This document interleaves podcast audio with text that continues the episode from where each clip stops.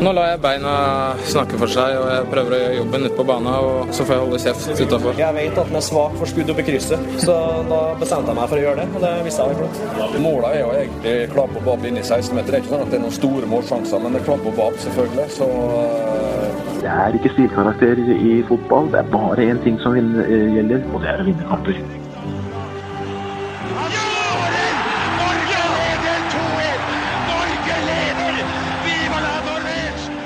Og der er uh, toppfotball uh, tilbake.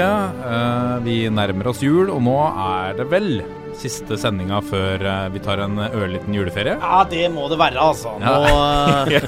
nå er det nok en er jo Hvor mye kan vi snakke om rykter? Ja, det, det, er mye, det er mye rykter ja, utover. det er mye rykter. Og bekrefta overganger òg? Ja, ja, ja. Det er alt, det er alt i orden. Men vi, altså, vi kan ikke ha hver eneste uke utenom sesong. Må jeg, samle opp litt. Ja. Da får vi bare ha sånne gode dybdeintervjuer, da, som vi har i dag. Ja, i dag, ja. Vi, i dag, skal du få svar på et par spørsmål du lurer på. Mye, mye, mye, mye jeg lurer på i dag. Vi har inn, uh, innhenta noen som skal stå til rette for et par ting her. Han har ansvaret, det er hans feil! Og jeg krever tydelighet. Ja, veldig bra. Lasse, du skulle egentlig vært i Hvor skulle du vært egentlig i dag? Akkurat nå skulle jeg ha landet i uh, Taipei i Taiwan. Ja. ja. Uh, hvorfor det? Uh, jo, det har seg sånn at uh, på min arbeidsplass, da, der jeg tjener til det daglige brødet ja. Tjener godt òg. Ja, tjener gode penger. Skal ikke jeg ta lønnsdiskusjonen din her, men jeg klarer meg. så går det noen sånne fraktemaskiner med fulle av norsk fisk. Og der skulle ja. vi ha, ha, på en sånn um, en liten reportasjetur da med en sånn fraktemaskin. Ja. Som skulle via Luxembourg og hold dere fast Er du reporter, eller hva? Nei, jeg jobber jo i kommunikasjonsavdelingen, ja, ja. men vi skulle ha med oss en norsk journalist da ja. fra en uh, avis som skriver om sånne ting. Ja. Uh, og så blei det litt kløn rundt det og greier, og blei store forsinkelser på dette flyet inn til Oslo i går. Ah. Sånn, så da blei det kansellert en time før opprinnelig avgang. Ja. Så skulle ned til Taiwan i går, lande i dag, hjem igjen i morgen. Og hadde landet til ah, Norge på fredag. Så det er ikke sånn Du får liksom, får liksom ikke nytt nasjonen? Nei, det hadde blitt 26 timer på taiwansk jord. Det er nesten ikke verdt noen ting. Det er bedre å være hjemme. Ja, det er mye bedre å være her. Ja, ja. Ja. Det er veldig deilig å være her. Jeg er veldig glad for at uh, du prioriterte, eller valgte, eller at noen valgte for deg at du ja, skal være her. Vi kan si at jeg prioriterte det. Ja. Når det blei som det blei. Det er uh, topp. Har dere sett noe fin ball i det siste? Det, har dere noe å melde på fotballfronten? Jeg er ikke fra norsk fotball, men jeg kikka jo litt i går på, ja. på uh, Everton Arsenal. Ja. Uh, det, var jo, det, var jo, en fin kamp, ass. Ja. Det var ordentlige greier. Og jeg, hadde både Sanchez og Williams på fantasy-laget mitt, så jeg var jo var dødsfornøyd med, med alle poenga. uh, og Nei, jeg syns det, det, var en veldig bedring fra, for, for, Everton. De var liksom litt sånn Hva skal jeg si Ordentlig sånn til stede i situasjonen igjen. Mm. De, de ville. Mm. Uh, og så blei det jo skikkelig skikkelig Hawaii på slutten her, og Arsenal pøste på, og det var noen nydelige blokkeringer, og Peter Cech var oppe som var sånn oppe i feltet sånn lenge etter corneren, tilfelle skulle komme en til. Mm. Så det ble sånn deilig, deilig drama, da. Uh, så kikka jeg litt på, på, Liverpool. Det var jo ikke så bra, da. Nei. Med, med Pajet sitt frispark, og Karius skulle jo tatt, og det var litt sånn sånn, nå har det vært noen sånne matcher eh, der de, der de, liksom ser ut i starten som om de skal cruise, og så mangler den uh, siste punchen. Mm. Det altså, virker, som, virker som Coutinho er viktigere enn jeg trodde. Ja. At de har liksom ingen som låser opp nå. Masse folk som jobber bra og uh, Ja, de skårer jo litt. Altså, det er to goller, så kanskje jeg er for kritisk. Men uh, det, var, så det var litt så det var, det var litt nedtur. Kjapp analyse av det siste som skjedde i Premier League. Det var, eh, det var, fint. Det. Ja, det var fint. Det. det er godt å få med seg det òg. Ja. ja. Det er jo ingen, den fotballen vi har å se på live uh, for tida. Ingen, men uh, ja, Skåra ikke, Dio i helga nå? Dio Mande? Jo, ja. Dio putta, ja. og, og, King uh, vant i går. Riktignok ja. uten å, å skåre, men, men, likevel så, så våre norske gutter på på hver sin måte. Den ene med å score, og den andre med å være på et lag som har en veldig bra goal. Mm. Uh, har jo fine dager. Ja. Og ja, nå skal jeg, skal vente litt med championship, uh, kanskje. Kanskje gjør det. Ja, ja, Men du kan se norsk ball hvis du er veldig, veldig interessert. Oh, For det på fredag som var, så ble det jo faktisk da spilt en treningskamp i LSK-hallen. Ja. Mellom Lillestrøm og Start. Ja. Åssen gikk det der, eh, Lasse? 3-0 til LSK. Du så hele matchen? Jeg så alt på stream på Romerikes Blad. Nei, jeg gjorde ikke det. Men jeg skjønner ikke vitsen med å spille treningskamp nå. Nei. Det er greit at det var noen jo, juniorspillere. Er det ikke for å Det er prøve prøvespillere. Ja. Det er liksom Erlandsen gjør det på gamlemåten. Han tester ut eh, ti mann, eh, det er greit å gjøre det i Begynner jo ikke- oppkjøringa i januar. Men det var et speiderapparatet til LSK. Det er, det er litt begrensa. Det begrenser Så seg alle til må komme. prøvespillere på Arne, Arne må ta en Ja, kikk, og så er det, nei, nei, nei, så er det Julius Cæsar som enten gir tommel opp eller tommel ned. da, da skjønner jeg kanskje hvorfor Lillestrøm sliter litt økonomisk òg, for det er jævlig dyrt Ja. å ha prøvespillere på besøk hele tida. De skal ha hotell, og de skal flys inn og ut, og de skal ha mat. Og det er nesten billigere å ha en fulltidsansatt speider som reiser rundt. De bor hos Bjarmann, og det er Ja, liksom ok, jeg kjerringa til Bjarmann som Ja, lager ja, middag. og det går greit. Ja, ja, da skjønner jeg. Nei, nei. Nå er vi så godt inn i norsk fotball at må vi, nå må vi snakke om en som har eh, Vi har jo sittet og synsa og ment i hytt og pine sammen med resten av Norge i et helt år. Og så var det deilig, tenkte vi, å endelig få besøk av noen som faktisk vet uh, hva som skjer på Ullevål stadion. Uh, Håkon Grøtland, velkommen. Takk for det. Takk for det. Det er veldig moro å ha deg her. Eh, vi vi snakka om det i forrige, forrige sending òg. Da var det klart at du kom. Og nå det er deilig at du kommer, for da kan vi få litt svar på et par ting som vi har lurt på i hele år.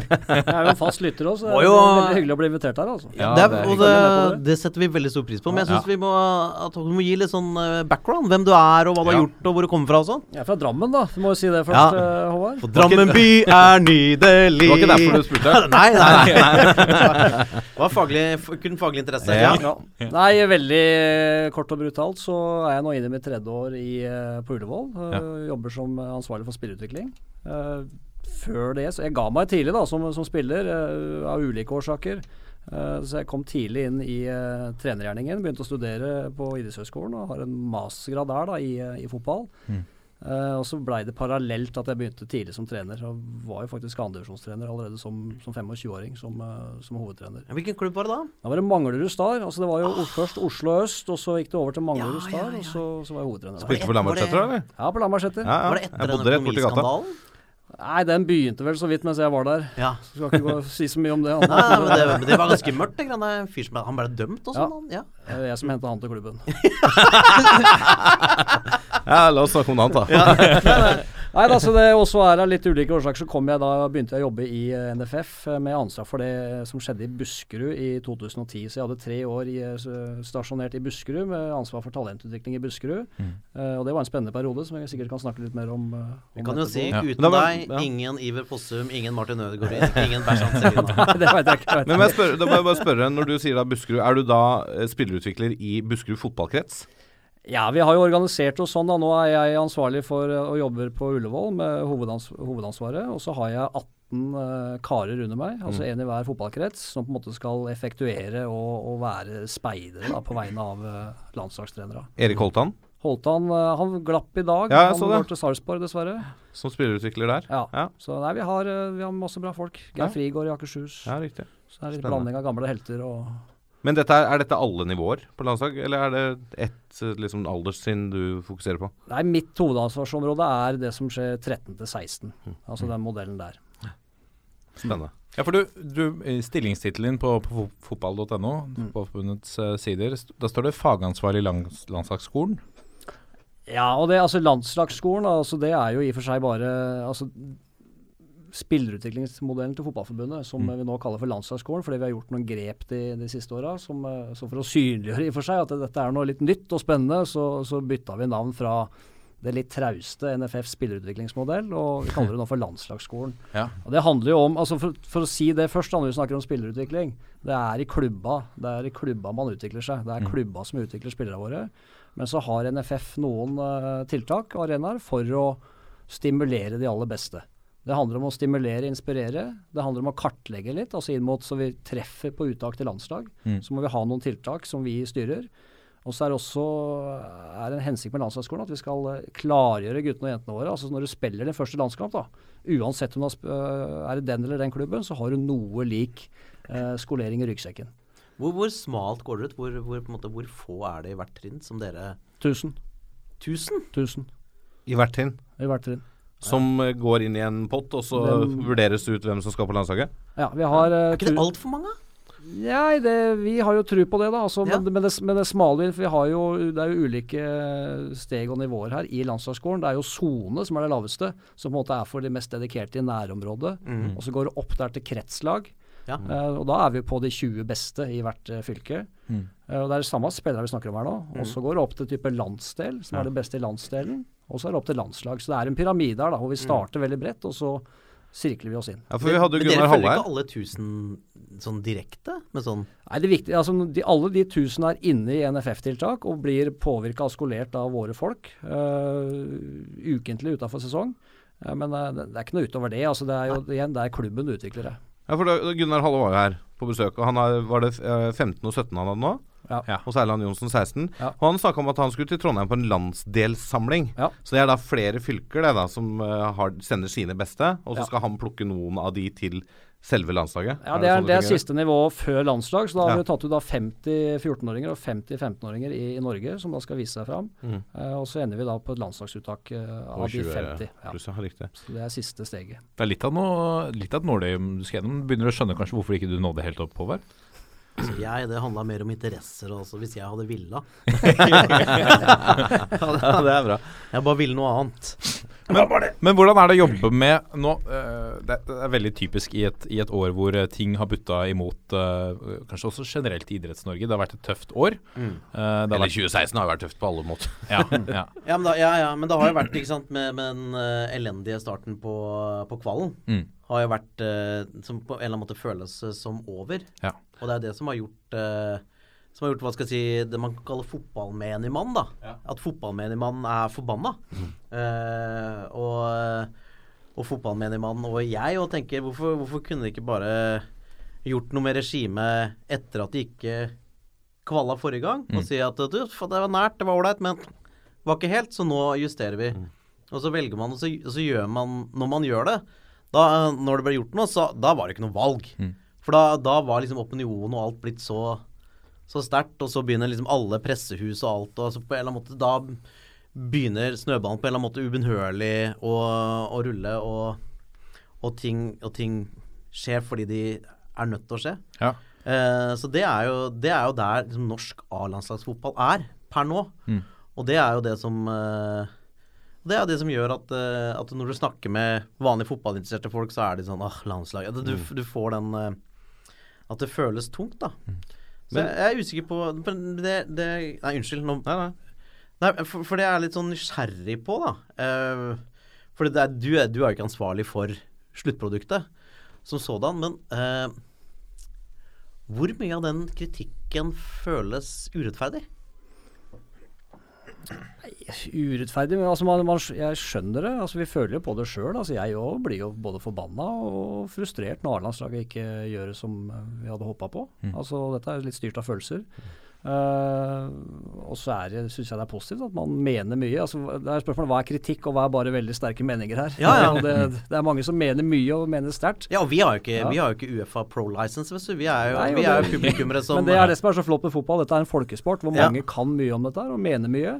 Uh, og så blir det jo selvfølgelig, føler vi av og til, at det blir litt unyansert. Det går ofte i tre stadier, føler vi da, når det går eh, dårlig med A-landslaget. Det er først noen dager med litt sånn uh, kritikk av landslagssjefen, og så bikker over i litt sånn enkle utspill. Det kan være alt fra kunstgressbaner som er problemet, eller eh, enn noen tabeller som vi må innføre i barnefotballen. Og så bikker over til flere uker med ensidig kritikk av barne- og ungdomsfotballen. Ja. Hvor det er mamma- og pappatrenere som til syvende og sist får skylda for at Per-Mathias Høgmo ikke vinner landskamper. Ja, Men det er også er jo da på en eller annen måte forbundskritikk, fordi at uh, på en måte, at norsk fotball burde sørga for en økt profesjonalitet tidligere. Ja, og der er det mange meninger, og det, og de, er, og det er utgangspunktet. De som mener mye her, de mener jo utgangspunktet utgangspunkt i norsk fotballs beste. De ønsker norsk fotball alt, alt bra. Ja. Uh, og så er det ulike måter å se det på, og så er det kanskje ikke alle som har den nødvendige innsikten da, i, med tanke på hva vi faktisk driver med, og hva vi har gjennomført og gjort de siste åra. og det får jo vi, og det har vi tatt kritikk på internt hos oss også. Vi har ikke vært flinke nok til å kommunisere ut hva det faktisk er vi driver med. Det blir sånn brannslokking. Vi må ut og mene hver gang vi får kritikk, og da, og da får vi ikke fram de nødvendige nyansene. da. Det er derfor du er her nå. Her Ja, ja. har du så mye tid du vil til å fortelle. Men uh, jeg bare hegger meg litt på det du sier uh, om uh, A-landslaget og det. Så Hvordan påvirker det arbeidshverdagen til dere lenger ned, da, for å si det sånn? Altså på talentnivå? Altså Påvirker det jobben dere gjør? At eh, A-landslaget gjør det dårlig, eller at eh, U21-landslaget ikke klarer å kvalle? Altså, Nei. Nei. Nei. Eh, Det er- det enkle svaret på det er nei. og det blir helt feil. Hvis vi har lagt ei linje som vi har tro på, som vi Mm. skal jobbe beinhardt med, Uh, hvis det påvirker på noen som helst måte, så er det jo at vi jobber enda litt hardere. Ja, det er klart at vi har lyst til å lykkes her. Ja, ja. Jeg tenker jo tilbake sjøl da jeg var uh, pjokk. altså var Blant mine største øyeblikk som, som ung var jo norske landslaget lyktes. Mm, mm. Vi ønsker at dagens generasjon også skal oppleve gode øyeblikk med, med gutta og jentene våre. ja, det er ikke noe som ville glede oss mer.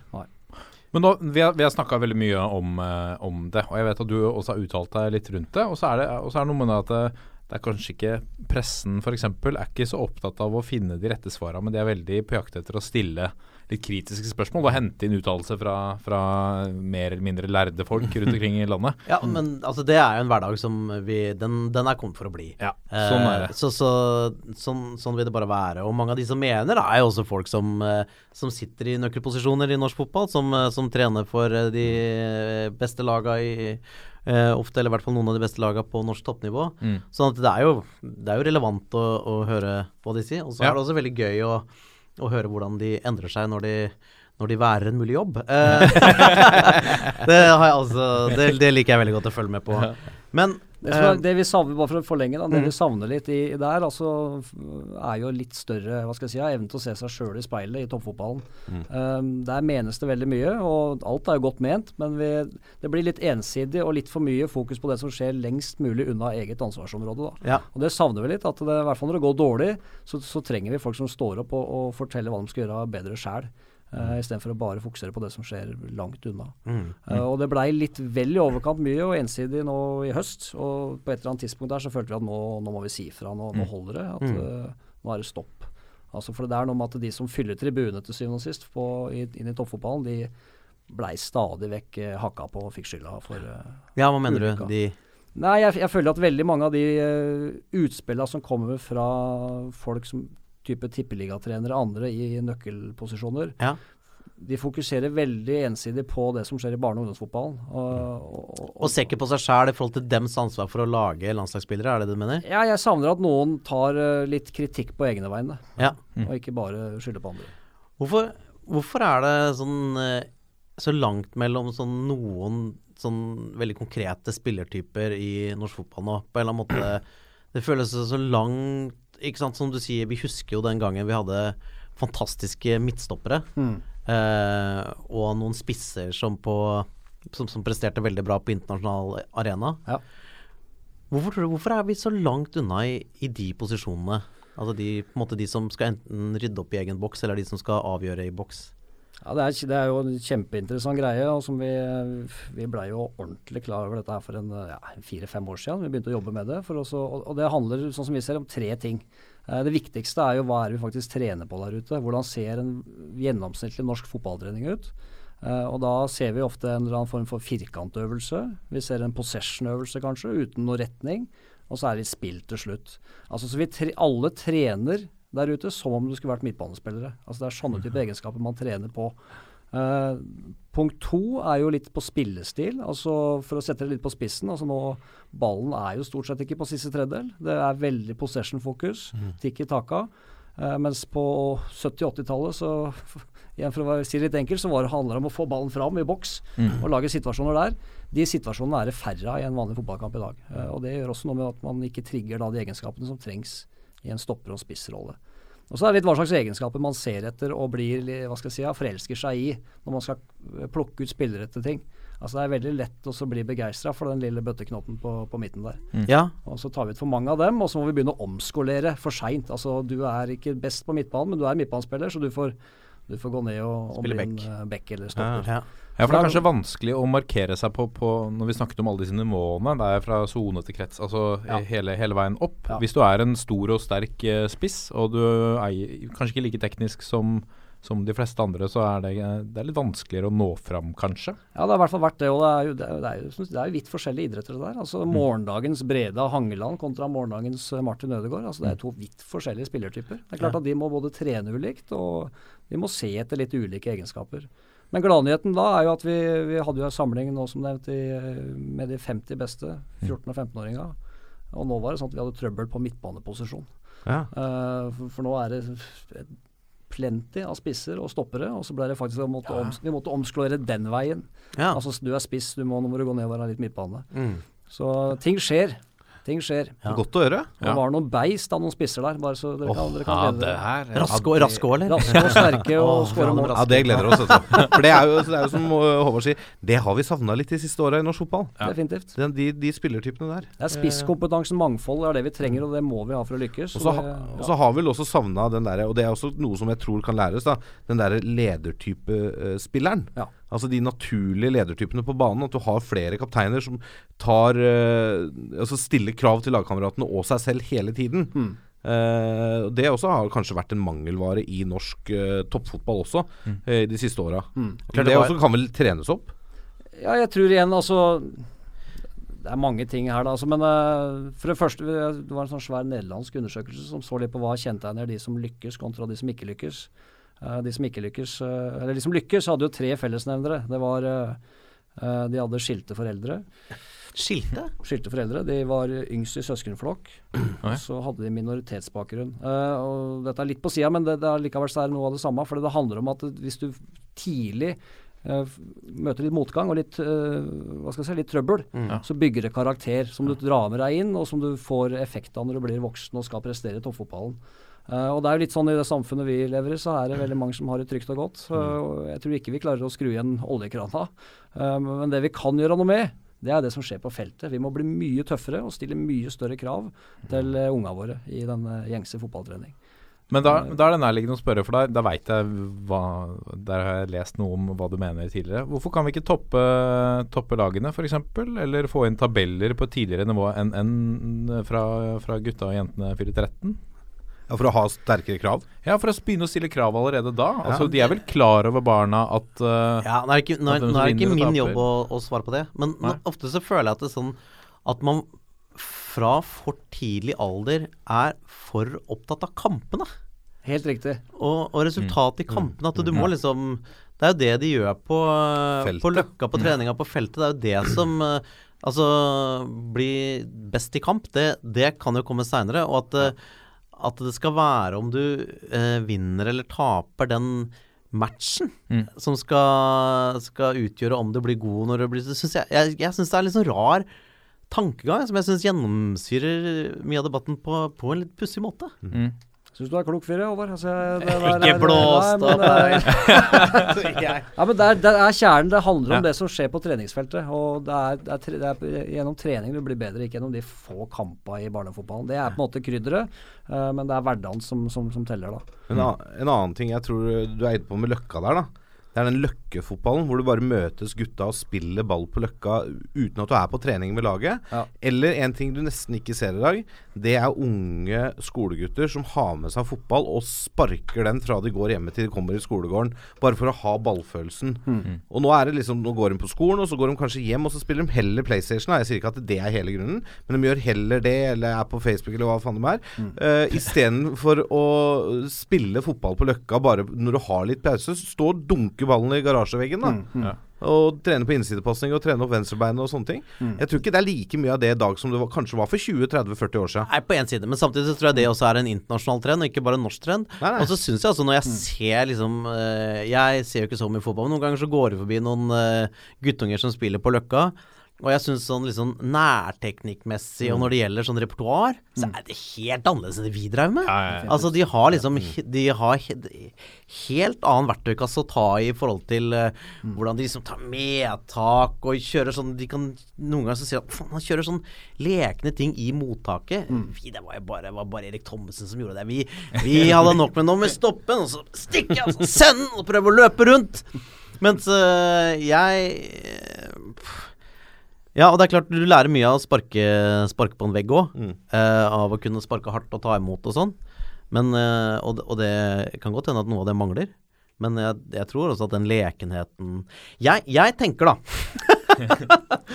jeg, jeg tenker at det har vært mye sånn kritikk av den liksom, norske kunstgressgenerasjonen. At du bare lager nummer ti-spillere og og, og, det, og det kan godt hende. Og jeg så Arsen Wenger òg uttalte at uh, det lages ikke ordentlig spisse på akademiene, fordi de lærer ikke å bli sulte nok og gærne nok, så de kommer ofte fra Sør-Amerika og sånn, eller det er liksom en Jamie Wardy som må ta en tur i fengsel og med fotlenke før, før liksom galskapen kan slippes ut på toppnivå. Eh, men det jeg tenker da med den norske kunstgressfotballen, og at det går så fort, og, og at vi har masse lette spillere Man burde burde gå sånn hardt på sånn gegenpressen og, og lage lag som kan spille hurtig og løpe mye. Altså når du har mye lette spillere, så må jo det være Og det og- For det, det jeg savner eh, Og nå kan jeg trekke litt sånn med norsk fotball. Og du så svenske nå, som har jo et landslag som ligner litt. De har hatt Zlatan, liksom, som har tatt dem til mesterskap. Ellers så er det eh, har det vært ganske grått der òg. Og svenske landslaget, forrige mesterskap, et av de som løp kortest i snitt. Altså som løp minst per match. Og der tenker jeg der kan ikke skandinavisk fotball være. Vi må satse på å kunne løpe og spurte mest.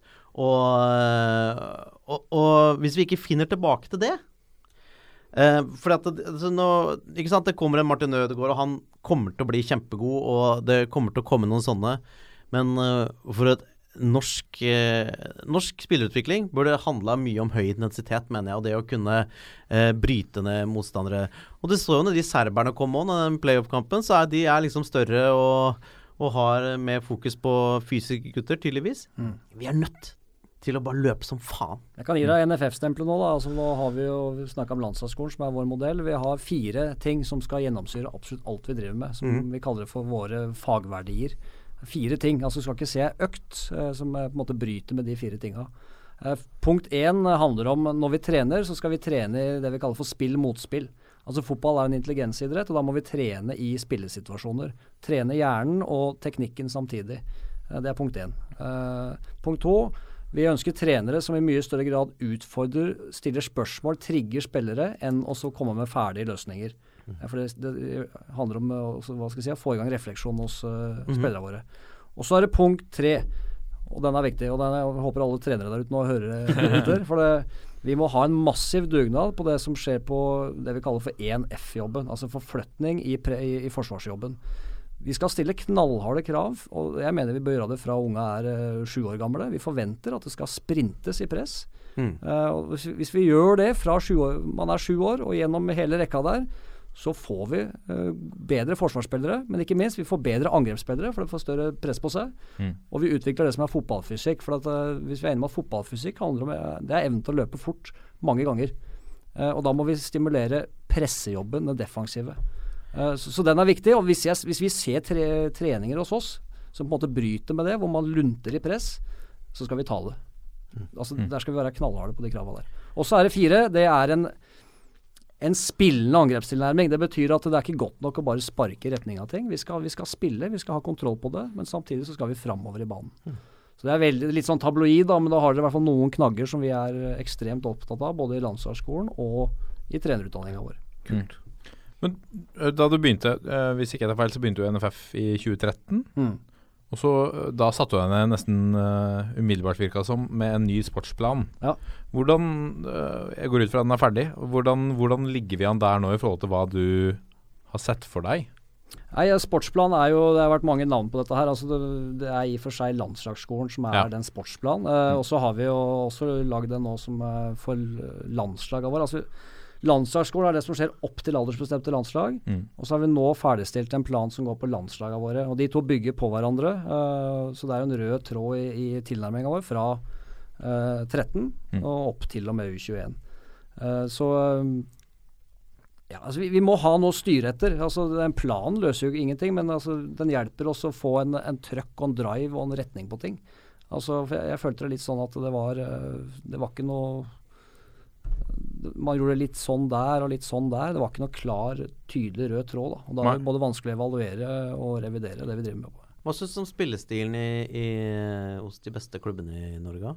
Eller tippeligaklubbene? De som vi vil skal være de, Eller som vi regner er de skal være de dominerende klubbene i Norge?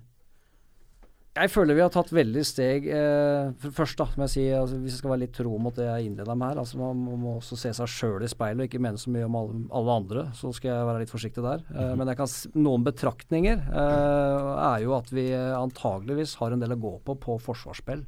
Eh, vi ser laga der ute i Europa, de beste laga, er mye mer tighte og kompakte enn eh, det vi er i Norge. Altså Det er færre, kortere avstand mellom ledd, og det, beina flyttes fortere. Så det er i hvert fall på det defensive. Eh, på det offensive så begynner vi å utvikle en ganske god spillstyrke i norsk fotball. Det så vi også U21-landslaget vårt eh, til og med borte mot England. Det tapte vi til slutt 6-1 da. Ja. Eh, men fa faktisk, ja, før 1-0-skåringa til Rashford, så hadde vi 50 trekk. Ja, ja Og så visste mister vi og så blir det kontring imot. Det rare er at jeg satt Den kampen så jeg på. Ja. Så satt jeg klar med og begynte å formulere en tekstmelding til en kompis. At eh, du, nå gror det, nå ser det bra ut der. Ja. Og så kom liksom beistet fra, fra Manchester og bare Ja, det er, det er 50 trekk. Gutta koser seg, og koser Ja. seg litt for mye. Og Ja, koser mister- seg litt for mye. Og så mister vi den, og så Ja. er det, er det 1-0 sekken. Nei, så Spillstyrken begynner å bli bra. Uh, så må vi utvikle det som skjer på siste tredjedel. Og det er la, lagas evne til å produsere flere målsjanser. Og så handler det om enkeltspillere som skal effektuere dette her. Altså putt ballen i mål. Mhm. Så, så det er vel svaret på det. Jeg har lest at du har sagt at vi er eh, som en eh, slags et svar på, svar på kritikk, eh, tenker jeg, men, men at vi er Europas beste på å utvikle enere fra 13 til 17. Da fikk jeg mye kjeft eh, etter Gjorde det. og folk, folk var jo på den tida og Da kokte det jo fælt. Vi presterte dårlig med A-landslaget. Ja. Folk var forbanna. Og så kommer det en fyr fra NFF som står der og sier at vi er råest i Europa. Klart det, er, det er- er liksom ikke grenser for manglende sjølinnsikt og, og, og ydmykhet i Fotballforbundet. Kan jeg forstå eh, og det skjønner jeg. Ja. Jeg legger meg helt flat. Eh, det var jo selvfølgelig tatt helt ut av kontekst. Eh, det var et svar på det som vi ofte blir møtt med, at i Norge er det ikke lov til å være god. Vi, det er ikke lov, vi dyrker ikke enere. Og så sa jeg til journalisten at hør her, på noen områder så er vi faktisk ganske langt framme i Europa. Og spesielt på det som handler om å følge opp våre beste spillere fra de er 13 år, så har Fotballforbundet er en av de få forbundene i Europa som faktisk har en så god modell på det. Uh, så det var, liksom, det, her, det var nyansen her, da. Mm. Det er ikke så vanskelig å være råest i Europa, for vi er kanskje de eneste som gjør det. Uh, fordi at veldig mange andre steder så er det Fotballforbundet har kun eh, landslag, Mm. og så er det klubba som styrer med resten. tror, Ja. Hvor mye tror du vi får igjen for sånn uh, individuell oppfølging fra landslagshold? I forhold til at eh, eller, eller at man bare regner med at klubbene skal utvikle Jeg, tror- jeg tror at det, det, det binder oss sammen på en helt annen måte enn i utlandet, hvor det er veldig sånn eh, Det er toppklubba driver med sitt, og så er resten driver med sitt. Altså vårt, vårt mål er at vi skal være en svær fotballfamilie som, hvor alle drar i samme retning. Og da blir landslaget, i hvert fall på de yngste, blir nesten et sånn bindeledd mellom, eh, mellom bredde og topp. For det, Husk på at de de guttene og jentene våre som spiller på de yngste landslagene, de, de tilhører stort sett breddeklubber. Eh, og Da er det avgjørende at vi kommer inn der, og så, og så hjelper, vi, hjelper vi klubba våre til å tilrettelegge på en så, så god måte som mulig. Da. Men du sa at uh, noe av det som kanskje mangler i norsk fotball i dag, er den derre uh, tighte, defensive, kort eh, avstand mellom lagdelene. Det var jo kanskje det Norge var best på Ja. på 90-tallet og begynnelsen av 2000-tallet. Ja. Hvor gikk vi oss bort i det? Hvor mista vi det, tenker jeg da. Har du, noe- har du gjort deg noen tanker om det? Ja, men det var jo nesten sånn periode, du fikk jo nesten sparken hvis du drev med defensive ting på, på feltet. det ble jo Det jeg opplevde den gangen, det, det var at det Og som jeg reagerte på, og som jeg fremdeles reagerer på når jeg tenker tilbake, det, det var at i forhold til uh, Drillo-fotballen, som var jo en eh, en, en mm, i manges øyne sånn litt sånn eh, banal framoverretta fotball, som gjorde at vi fikk en del sånn kritiske øyne på oss fra, fra de eh, tradisjonelt sett større eh, fotballnasjonene. Og så gjorde det at vi fikk litt sånn Lars litt. Det gjorde at det, ah, vi må bli mer som dem. Ja. Eh, og, og det var jo og også i pressen så syns jeg det var liksom veldig fokus på det. Ja, greit, vi kommer oss til mesterskap. Når skal vi begynne å, når skal vi begynne å lage det Spille som de andre? Ja, og lage det gøy for folk. Ja. Eh, og det er klart, når, hvis du går til YouTube og ser tilbake på noen av de greiene de drev med, så var det jo, det var jo jævla underholdende. For det, det var det. det var liksom en presis langball, og så går en fyr i krigen, og så kommer bare midtbanen bak i en sånn som en sånn tog, og bare vil vinne og vil få det. Det er jo fantastisk. Får masse energi av det når du sitter på tribunen. Ja. Av å se sånne ting. Ja, og hvis du ser noen av de beste toppklubba og landslaga òg i Europa og verden i dag, så mye av det kan du se igjen en del av disse laga. Den er veldig Du skal gå fort framover når de har ballen. Det skal være tett mellom lagdelene. Det skal presses hardt. Det skal presses gjerne prøve å presse høyt for å få det til å gjøre feil. Mye av det som kanskje Drillo-fotballen sto for, er jo kanskje noen av de beste laga i dag eh, eksponenter for. Og særlig også de laga Altså samtlige av de laga som har overprestert i forhold til budsjett i Champions League, har den fellesnevneren. Ja. Om det er Atletico eller om det er Dortmund. Altså det er, det er lag som spiller eh, med høy Lester. intensitet. Hæ? Leicester. Leicester, og, Leicester, selv om de har hatt forferdelig i Premier League, har vært overraskende gode i Champions League. Ja, de har det. Uh, og, og det er jo altså det er jo litt uh, Altså, hvis du kan ta på en eller annen måte Sette sånn litt fellesnevn mellom Leicester-modellen og Atletico-modellen, men likevel, de, de har jo De er på en måte enda litt mer sånn Har presset litt lavere, men jævlig intenst, men litt lavere i banen. Og så har du sånn Ja, Dorte Klopp-skolen, da. Eh, Tychel er jo ikke så ekstrem, men likevel som er De er at presset legges høyere. Uh, så er jo det Men det er jo den intensiteten som du ser hos enkeltspillere i dueller, uh, så, som er som er, altså, Det er jo fantastisk å se på Barca, liksom, når det funker. Og, men selv om Barca har forandra seg veldig med, med Enrique, og nå spiller de jo mye med på bare styrkene til de tre kongene de har på topp. Ja, ja. Eh, så, så er det jo Altså, den intensiteten, den Uten den, så, så, så tror jeg faen ikke vi kommer til å få til en dritt. Jeg er helt enig. Helt enig. Men den, det vi snakker om nå, å etablere en, en type spillestil, skal, er det det Sånn var det jo tidligere, at det, det var jo mye derfor landslaget fikk kritikk, og Drillo fikk kritikk, fordi at alle ville spille som Norge. Og da skulle alle Så var det litt den misforståtte spillestilen som Drillo-stilen var, var dunke ballen langt opp. Så det var jo da forferdelig å være midtbanespiller på, da jeg vokste opp på, sier de, fordi at vi bare slo lange baller. Men er det en bevisst, eh, fortsatt en bevisst måte fra NFF at vi eh, vil legge en slags føring på hvordan vi skal spille? Har, har NFF et ønske hvordan klubbene i Norge skal spille?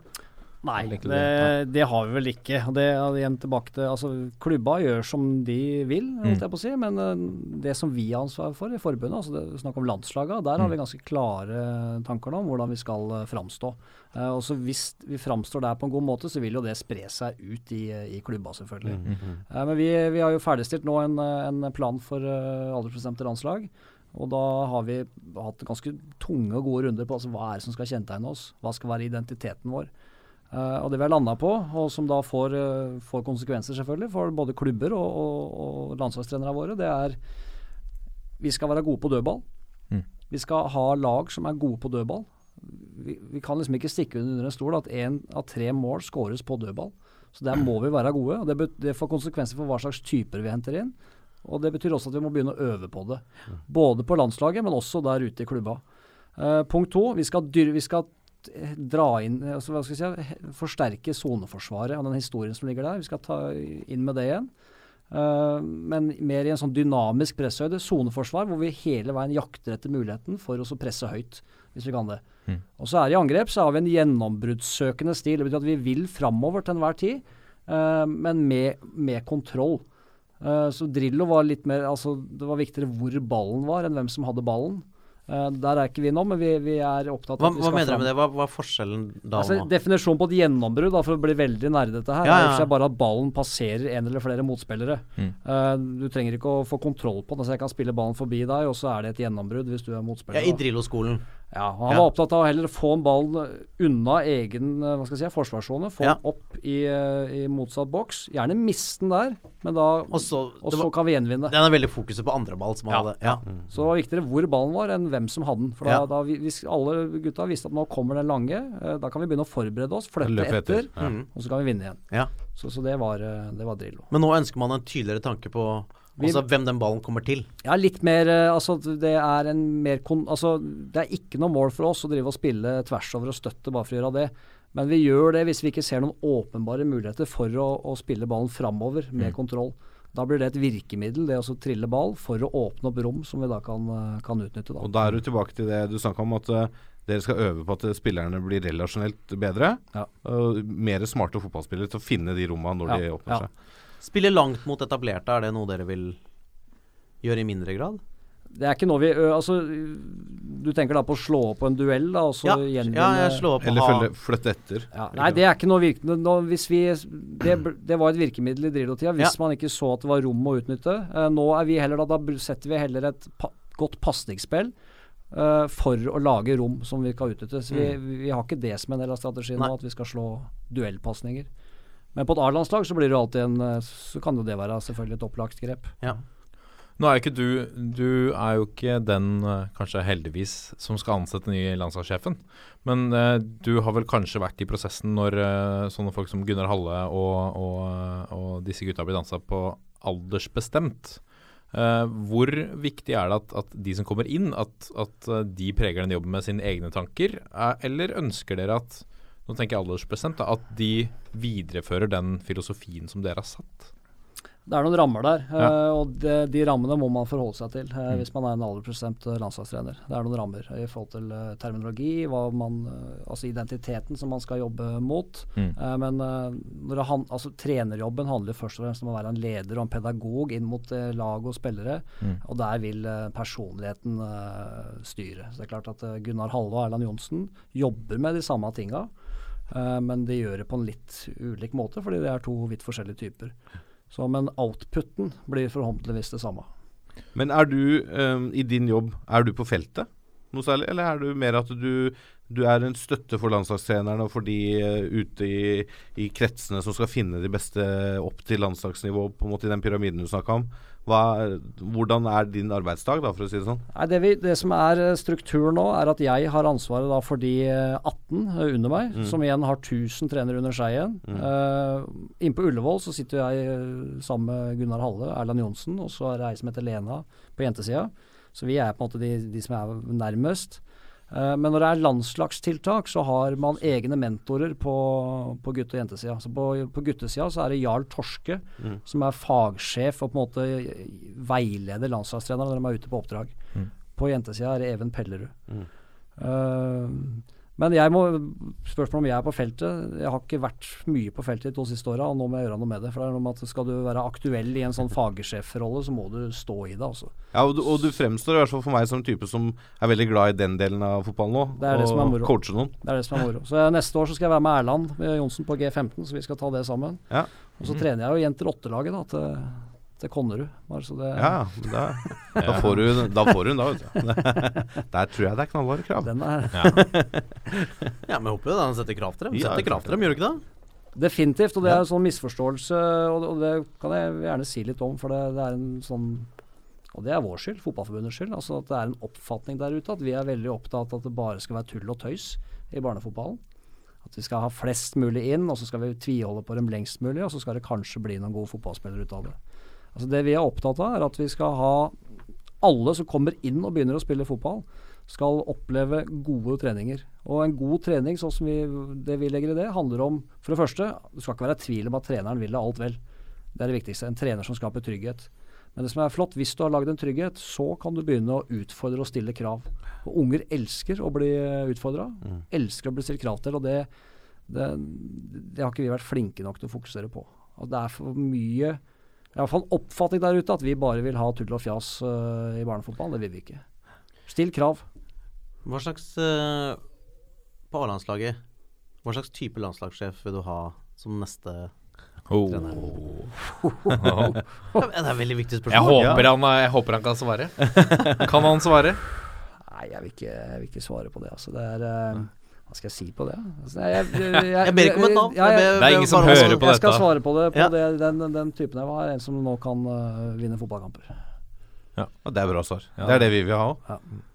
Det var ikke det Det var det du ville ha, var det ikke? hvor pragmatisk og kynisk uh, kan han være etter tiden sin for å nå dette målet? Det handler om å vinne fotballkamper. Ja.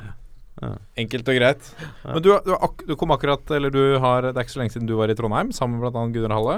Eh, mm, du har jo vært Du var i Buskerud fotballkrets, det var vi innom da, da du eh, Det var vel ikke kanskje du som oppdaget Martin Ødegaard, men du var en av de som så han veldig tidlig. Ja, det var mitt privilegium så, i den jobben jeg hadde da, altså NFF-ansatt i Buskerud, så var det min, altså mitt privilegium å i og for seg oppdage den på vegne av NFF. Ja. Eh, og melde den inn i NFF-systemet. Så men det er klart at du trenger ikke mye fotballkompetanse for å oppdage noe sånt. Så, eh, men det, det er jo det var en fantastisk eh, erfaring å få. da altså, Følge en sånn gutt så tett gjennom mange år. Men vi må, Og de var jo flere òg. Ja. Iver Fossum og Men han er et par år eldre. Ja, ja, Bersan Selina. Altså, Ja. vi, hadde, vi hadde jo et kretslag der, som jeg hadde da, og da var det jo Bersan Selina, Iver Fossum og Martin Ødegaard på samme lag. Uh, og, og det var en ganske mektig opplevelse som trener, for da du var, eh, og det tror jeg ikke jeg opplever igjen. Altså, du bare kan sette deg på benken, og du veit at disse gutta kommer til å Dette løser seg. vi kommer til å rundspille dem, uansett hvem vi møtte. Men den, det, det caset Martin Ødegaard må jo ha vært helt fantastisk. Altså, så, så god så tidlig Ja. i forhold til alderen sin. Ja. For det, de stega han tok som 15-16-åring eh, kontra andre i den alderen, må jo ha vært helt Han må jo ha vært mange, mange hakk utapå sine med... eh, altså sine medklassekamerater, holdt jeg på å si. Vi tok jo noe, vi oppdaga han jo som tiåring, og så spilte han jo sin første kretslagskamp når han var elleve år. Eh, og da var vi litt sånn uh, Kan vi gjøre dette? For det, det er jo i og for seg det var for 13-åringer. Mm. Så vi lot den være med da på det kretslaget uten at han sto på noen offisielle lister og sånne ting. Bare lot den være med, og så dytta vi den ut på venstrebekken. For han nådde jo ikke de andre gutta til, til knea engang. ikke sant? Så det var større fysisk forskjell da, når han var med det uh, 13-14-årskretslaget. Han var 11, akkurat fylt 11. Det var større fysisk forskjell det enn når han var, uh, spilte A-lagsfotball for Godset, også når han var 15. Ja. Um, nei, det var i hvert fall fantastisk å, å, å følge. Og, men det er klart at når eh, en spiller er 10-11-12-13 år gammel, så vi kan jo ikke da si at dette blir en Real Madrid-spiller. Men vi Nei, så at her var det noe.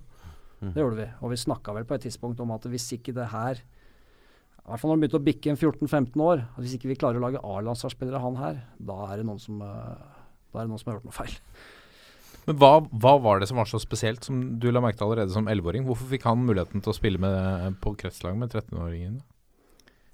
Jeg tror vi kan bruke han som et, eh, som en sånn skoleeksempel. Eh, vi har definert fire ting som vi ser etter nå i Fotballforbundet, som vi definerer som et talent. Det er fire ting. Altså Overskriften er eierskap til egen utvikling. De som blir best til slutt, er de som har eierskap til egen utvikling. Det handler om å trene ekstremt mye. Du må trene ekstremt mye hvis du skal bli god. Det handler om tilstedeværelse i alt du gjør. Altså Martin var jo altså dønn til stede i enhver aktivitet. Om det så bare var han og faren. Så, så, altså lever seg 100% i det, for han elsker det spillet her så mye. Eh, punkt tre, du må pushe egne grenser, utfordre deg sjøl litt hver dag. Det gjorde han. ikke sant? Han prøvde på ting han ikke helt fikk til, og så tar han stadig steg. Mm. Også punkt fire, at du må være veldig nysgjerrig og reflektert rundt din egen utvikling. Du må tenke fotball, du må se fotball. Eh, og de fire tinga hadde han tidlig. Eh, og det er klart at det, Med andre ord, han er den i Norge som har trent mest og best i sitt alderskull. og Derfor så har han blitt, blitt best òg. Han er ikke født inn som en Real Madrid-spiller, altså. Så um, Men det er klart at han, det som var unikt der, var jo blikket. Det var jo blikket. Så du så Han fant jo rom og løsninger som vi, vi, vi trenere ikke var i nærheten av å tenke på engang. Det er uh, Ja. ganske vanvittig. Ja.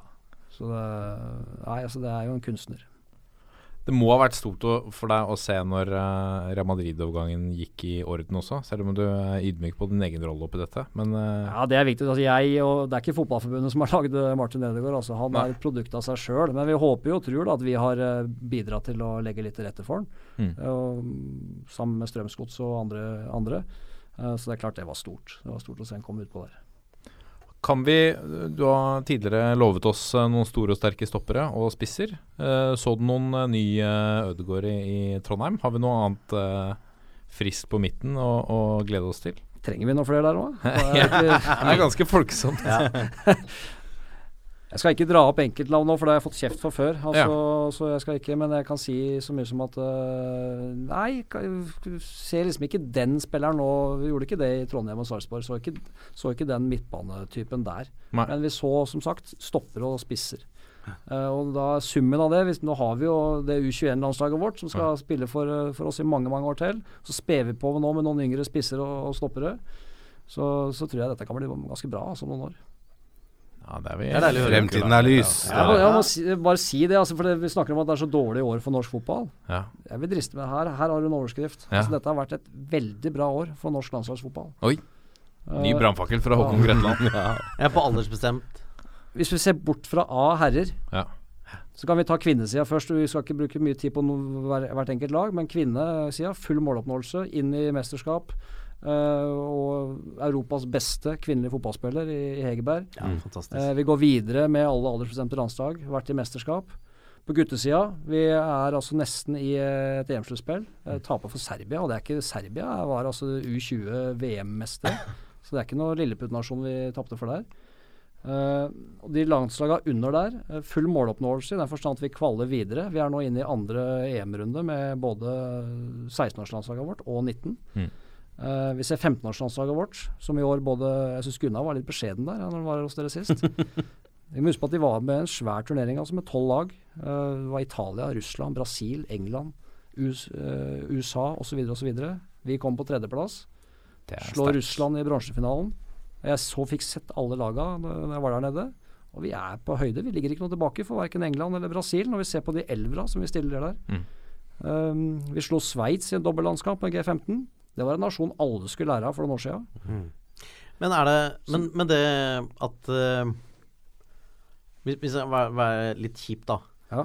Med, med sånn U21-landslaget, så er jo det et lag som ferdighetsmessig er eh, er det, mer enn godt nok til å gå til uh, mesterskapet. Ja, I hvert fall på Hvert noen fall ferdig- Ja, ja, det er noen ting der, ja. Ja. Men er det Er grunnen Litt av grunnen til at de ikke gikk dit, at de møtte noen lag som var enda litt sånn gærnere og enda litt sånn mer sultne på å klare det med den galskapen, både, altså både det å beskytte eget mål og, og gjøre alt for å få den inn. Er, ser du noe der, eller? Ja, jeg tror du er inne på kjerneområdet. Jeg tror ikke det er på sult, for jeg tror de gutta hadde veldig veldig lyst til å gå videre. Men jeg, Ja. jeg skjønner hva du mener. Og Da er vi igjen tilbake til typer, og at vi må ha et bredere spekter for å faktisk kvalle inn. Jeg syns jeg har sett noe av det samme på, på et annet nivå. Men jeg har sett de gangene liksom SIF har prøvd å, å kvalle til Europa, Ja. som, eh, som vi alltid har feila på. Ja. Uh, og når du ser de kampene, Ja. så ser du et kjempefint spillende Strømsgodset som eh, mye mer kontroll over banespillet enn eh, enn, uh, disse tsjekkiske, eller hva de nå er, disse lagene så, som, som vi møter. Mm. Men du, det, jeg mener, du ser forskjell i begge boksene. Ja. Du ser forskjell både den derre den, Hvordan de forsvarer eget mål, og hvordan de angriper med enda mer galskap når de ser muligheten til å få akkurat det de må ha. Ja, det er siste tredjedel begge veier. Det er det vi må løfte. og det når vi har økter nå med våre yngre spillere, så jobber vi nesten utelukkende med nå med siste tredjedel. Eh, og vi har et forsterka fokus på det i trenerutdanninga vår òg. For det er klart, vi, vi har ikke øvd nok på de, de fasene der. Og Det er noe med at du, du blir god til det du øver på. Du har jo altså U21 da, du, En ting er denne England-kampen vi er innom, hvor du på en måte den derre avslutningsferdigheten i boks, da. Det å avslutte angrep og få måla når det trengs, det var jo England helt eh, ekstrem på. Men jeg hørte også etter den Serbia-kampen altså, Ja, de var verdensmester stammen i laget var verdensmester året før, for U20. Eh, men jeg hørte Jeg husker ikke hvem som sa det, men det var at de spillerne de var så svære i forhold til våre. Ja, de var det- sånne fy... Var det Selnes? Meling eh, Meling, Birger ja, Meling på- den- Han var på Det var den jeg på hørte You på. Never Talk Alone. You Never Talk Alone. ja. Jeg hører på andre podkaster. Ja. Det har jeg sagt det òg. Nei, eh, han sa det. At det var eh, sånn som Marco Gruic fra Liverpool. Da han kom utpå, han var liksom bare et beist av en mann. Ja. Uh, og så har han kjempeteknikk, og så er han kanskje like god som våre beste teknikere, men har i tillegg den ramma, da. Og da begynner det å Det er jo der kanskje forskjellen ligger, da.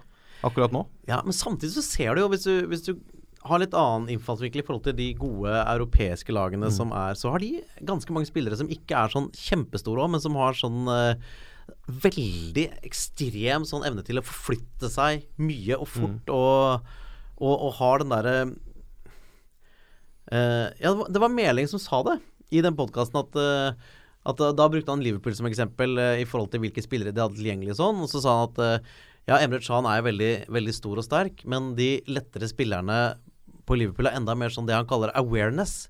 Altså i forhold til akkurat å plassere seg i det rommet Ja. som gir deg den lille Sånn at det er Ja, det er ikke noe Det er vanskelig. Det er jævla vanskelig. Ja, det, er to, det er to former for hurtighet. Det er ene er jo så løpe fort, og så er det som du er inne på her, Håvard. Altså det med evnen til å forutse og på en måte være på rett sted til rett tid. da.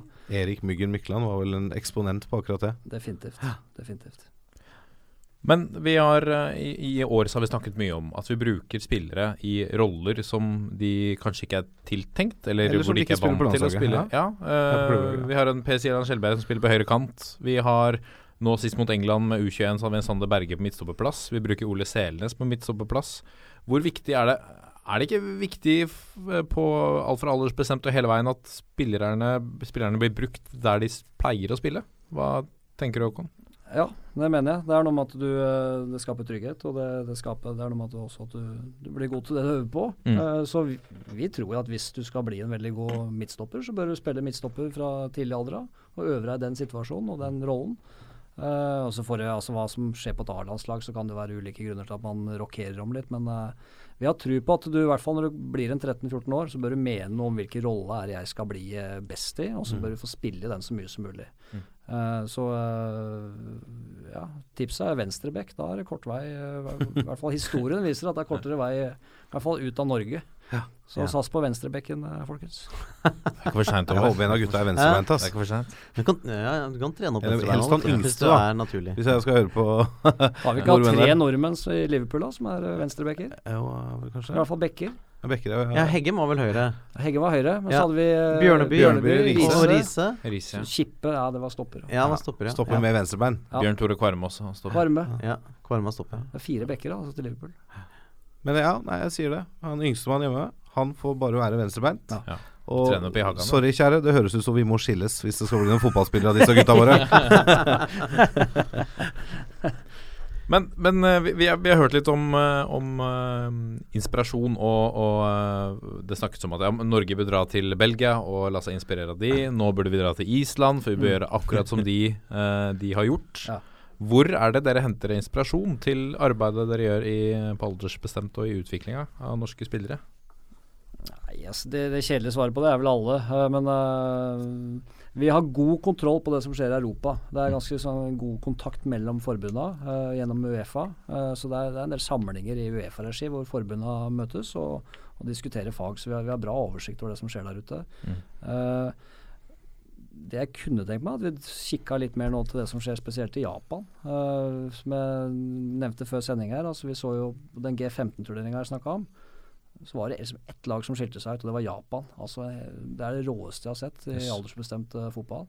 Altså, det er ikke en, var ikke en spiller under 1,80, det var en intensitet der. Oh, ja. Samtidig som det var et type kombinasjonsspill der offensivt som er, eh, var helt vanvittig. Så der kan godt ta en tur til Asia og så kikke litt der.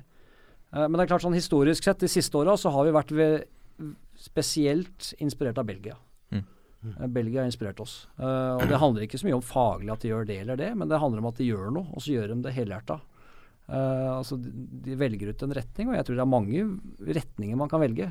Men de valgte i hvert fall en retning, og så gjennomførte de det 100% sammen. da. Og Det er det jeg håper vi nå snart lykkes med i, i norsk fotball òg. At vi, vi sam, får samla oss, ha tru på det vi driver med, og så kliner vi til. Kvalitetsklubb og grasrottreneren. Det er også prosjektet ved siden av landslagsskolen, kanskje, eller uh, i hvert fall to, to ting som har kommet de siste årene. Hva er det? Det er jo at igjen, det er i klubben du utvikler deg. Fotballforbundet kan gjøre noen ting, og det Mm. prøver vi på, for å trigge den utviklinga av klubb. Eh, kvalitetsklubb er rett og slett et eh, konsept, et program, som klubba våre nå utfordres til å kjøre. Mm. Det stiller, hvis du vil ta på deg å være en kvalitetsklubb, så stiller det noen krav til at du må ha klare tanker som sportslig, hvordan du skal drifte. Du må ha trenere med kompetanse, du må ha en sportsplan.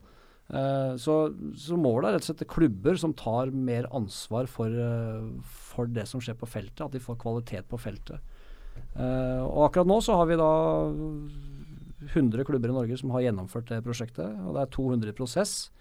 Sånn at vi nå har over halvparten av alle barn og unge i norsk fotball spiller inn i en kvalitetsklubb i løpet av veldig kort tid. Og da er det som sagt er det krav til kompetanse. Du kan ikke ha hvem som helst som trener, du skal ha en trener med kompetanse.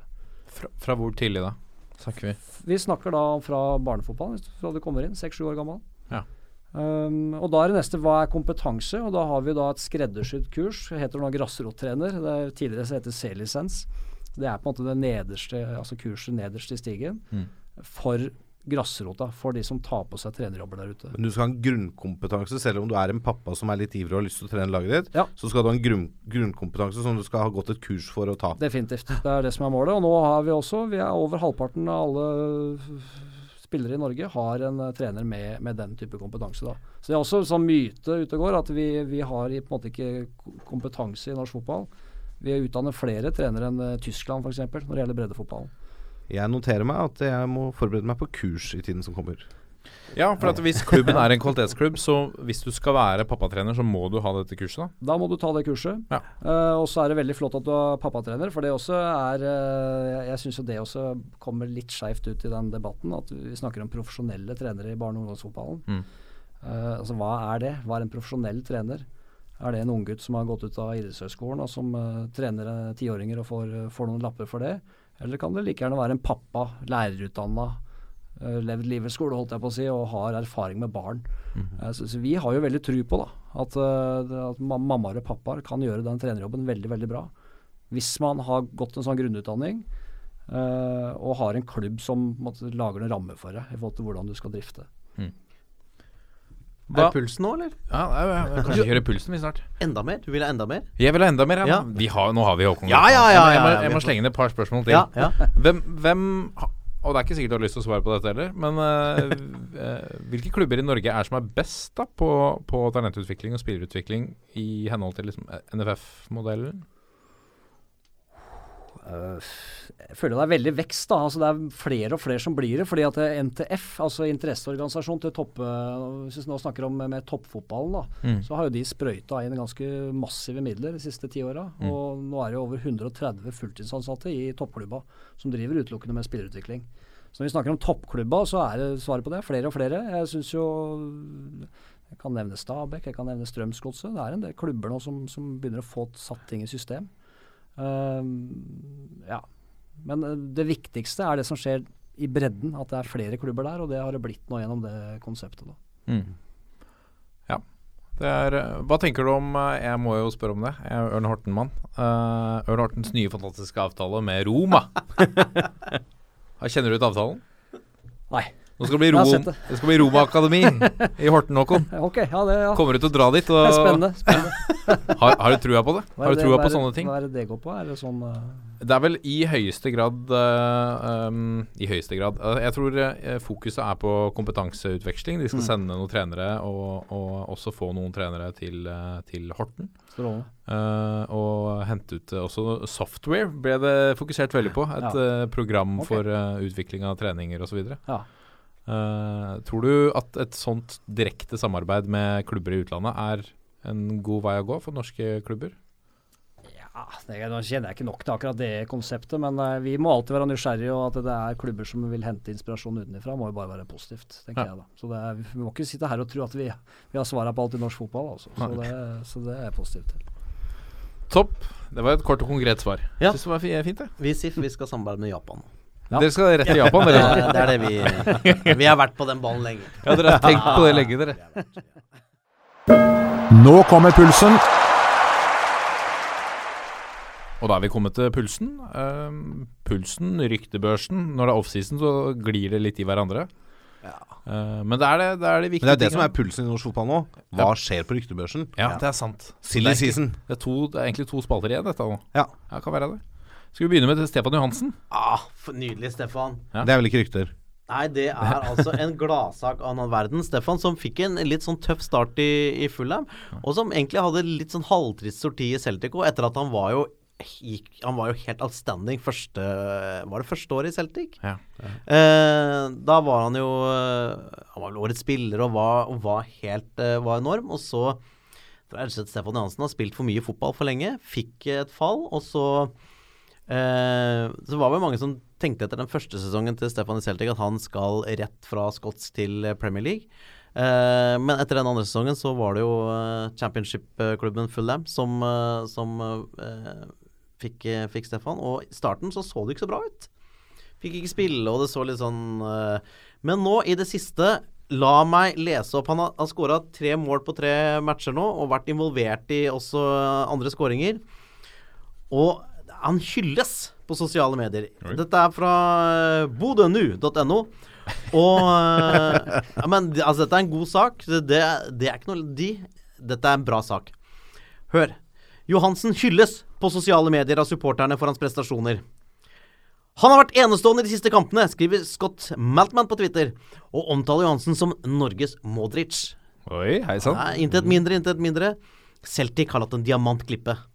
Stefan Johansen er i ferd med å bli årets spiller. En blivende kulthelt. Spilleren som jobber hardest i championship, skriver Fulham-kontoen White Noise. Som for øvrig følges over 6000 personer. Ja, men eh, Men altså, det er jo Men det er jo altså For han er jo en sånn type Vi trenger Ja, ja. Stefan. Og vi trenger Stefan i draget. Ja. Uh, vi, altså Akkurat nå så trenger vi Stefan med kapteinspinnet.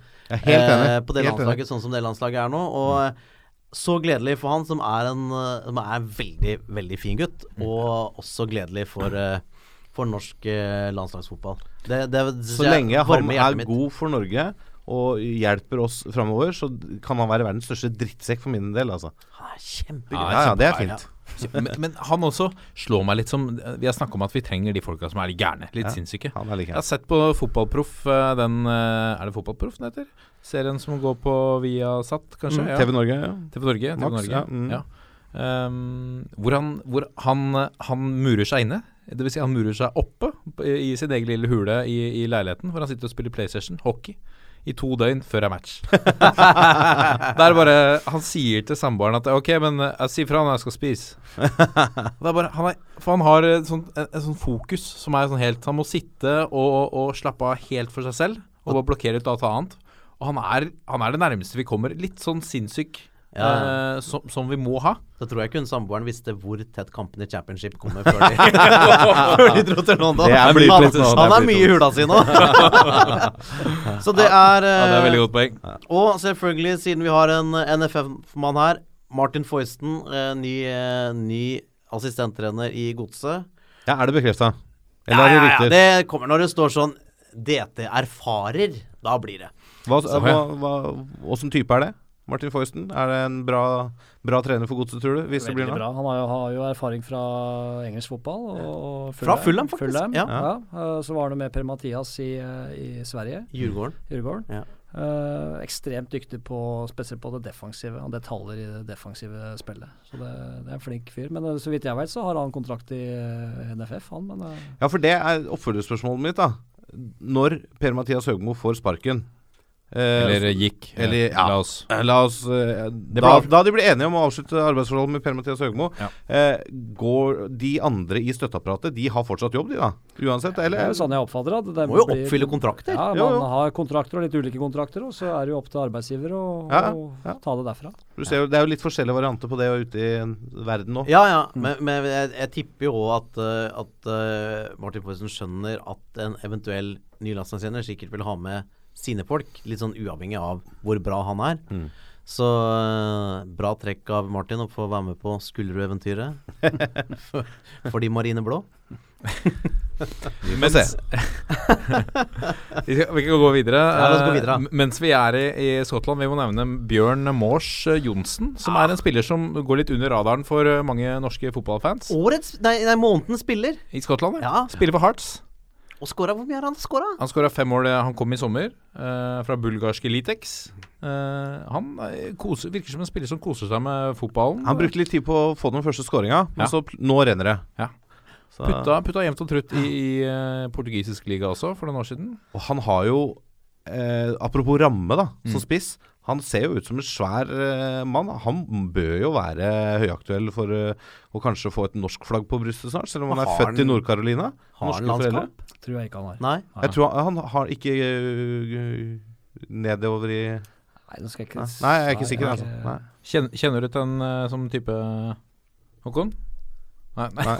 Nei. Det er greit. Skal ikke spørre om det. Um, Men det er gledelig i hvert fall. Og Ja. han har i hvert fall ikke noen landskamper for USA, så det er jo en fyr som vi har eh, Tror jeg fremdeles muligheten til å til å få med, med norsk flagg på brystet. Få tittel Ja. på han. det, er, eh, det er gjerne litt eh, nye sånne folk som ikke vi plutselig Altså Hvis vi kan få litt landslagsspiller plutselig opp på hatten et eller annet sted. så Det det er jo et eller annet med, med folk som født i USA. Husk suksesshistorien Espen Bårdsen. Ja, ja, Han ble sånn finansmillionær, han. aksje, Ja. aksjemegler.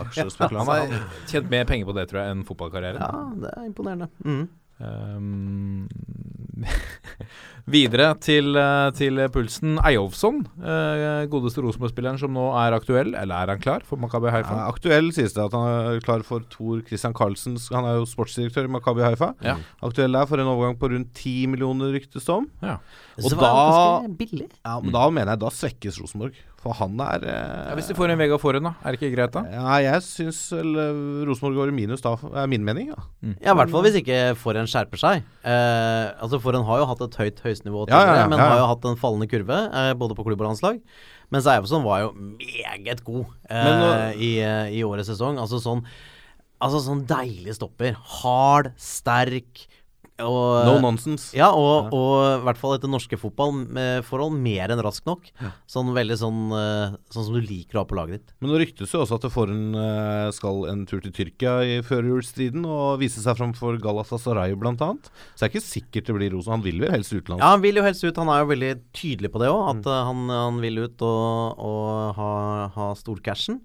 Uh, jeg veit ikke, altså for en tyrkisk fotball jeg, det er der, der nede er det hardt, ass.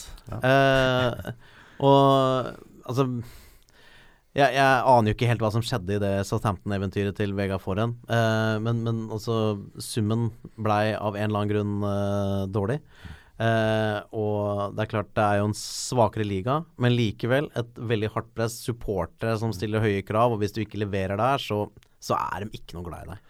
Men uavhengig av det, da. Norske spillere som blir proffer i større ligaer i Europa. Hvor viktig er det for toppen, da? For A-landslaget vårt? Jeg tror det er helt avgjørende, men så er det jo for at vi skal komme oss ut, så må landslaget òg prestere. Ja, ja, Så liksom sånn eh, Og så må de jo spille når de er i utlandet, da, selvfølgelig. Ja, det er det, men det er helt, jeg tror det er helt avgjørende for at vi skal fortsette å altså, Vi føler nå at vi utvikler veldig gode spillere opp til 19-20-årsalderen, og så flater det kanskje litt ut. Men jeg syns det virker som også prestasjoner på aldersbestemte landslag, eh, og særlig U21, er altså veldig viktig i forhold til å få salg. Ja. Tenk på sånne som SIF med, med Konradsen som gikk til renn. Ja. De hadde ikke kjøpt han med mindre han også var god på U21, fordi de ser ikke på norske ligaen som tilstrekkelig god nok til at de tør å bare stole på det. Tenk, føler jeg litt. Ja, men det er riktig, og det er, det er, derfor er det viktig at vi får eh, landslag inn i, i sluttspill. Ikke bare A, men også U21 og yngre enn det òg, faktisk. Ja. Du har en uh, liten nyhet å komme med du også, Håkon. I, uh, på Ullevål så har de ansatt en ny mann. Ja, vi har ansatt en ny G18-G19-landslagstrener. Ja. Uh, Pål Arne Johansen, Paco. Ja. Ekstremt dyktig. Har jo nå vært med Henning Berg i, eh, i Legia. Mm.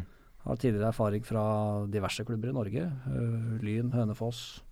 Er eh, Han gikk vel i, litt i, øh, med Smerud en periode, gjorde han ikke det? Han og Smerud hadde jo Hønefoss sammen, Ja. så nå blir jo de på, i og for seg eh, på samme lag igjen. Og Ja. har Smerud U21, og så har eh, Paco G18, G19.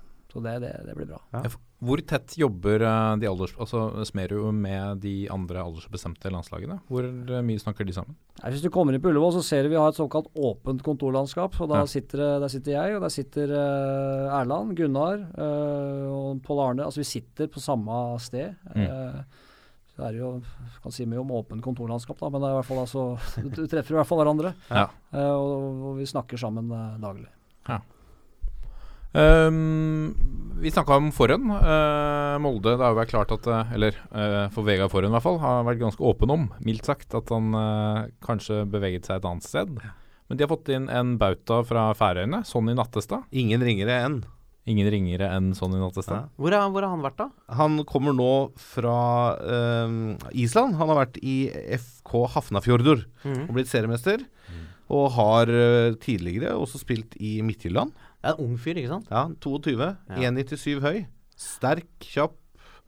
Eh, tror han kan bli litt vond å møte for norske tippeligaspillere. Eliteserie, unnskyld, eliteseriespillere neste år. Det er han og Ruben Gabrielsen på soveplass der. Ja, Og så har de en uh, Jonna Toivio i bakhånd der, da. ja. Som ikke er noe UF-en stopper han heller, men ganske fin fot. Og litt sånn være eller ikke være for, eh, for Solskjærs framtid, nesten. For den den kommende sesongen.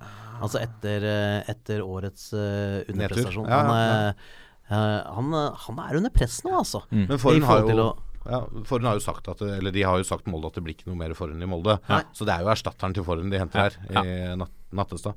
Ja, og, og som eh, jeg, jeg har jo aldri sett han spille fotball, men sånn som du beskriver han en litt annen stoppertype. Mm.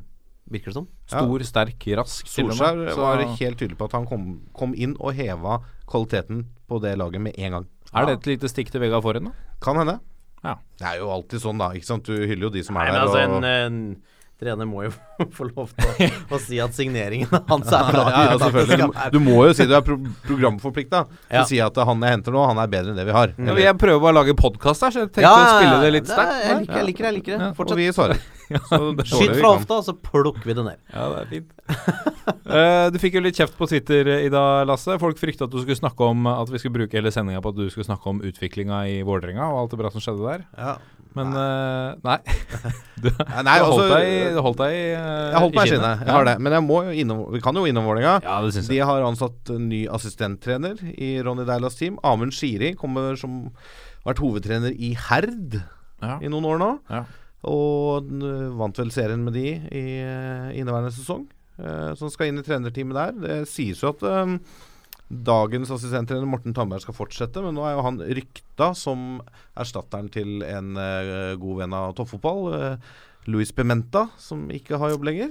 Ja, riktig. Så, og Johannes Mosgaard som spillerutvikler skal visst også fortsette i Vålerenga. Så det blir spennende å se Shiri der. Han er veldig fin fyr, hel ved. Eh, kjenner han ikke som trener, men jeg kjenner han som, litt som type. Og han er en bra mann, tror jeg, å få inn. Ja. Og Og spennende å se hva som skjer med Pimenta. ja, veldig. Forlater han nasjonen nå?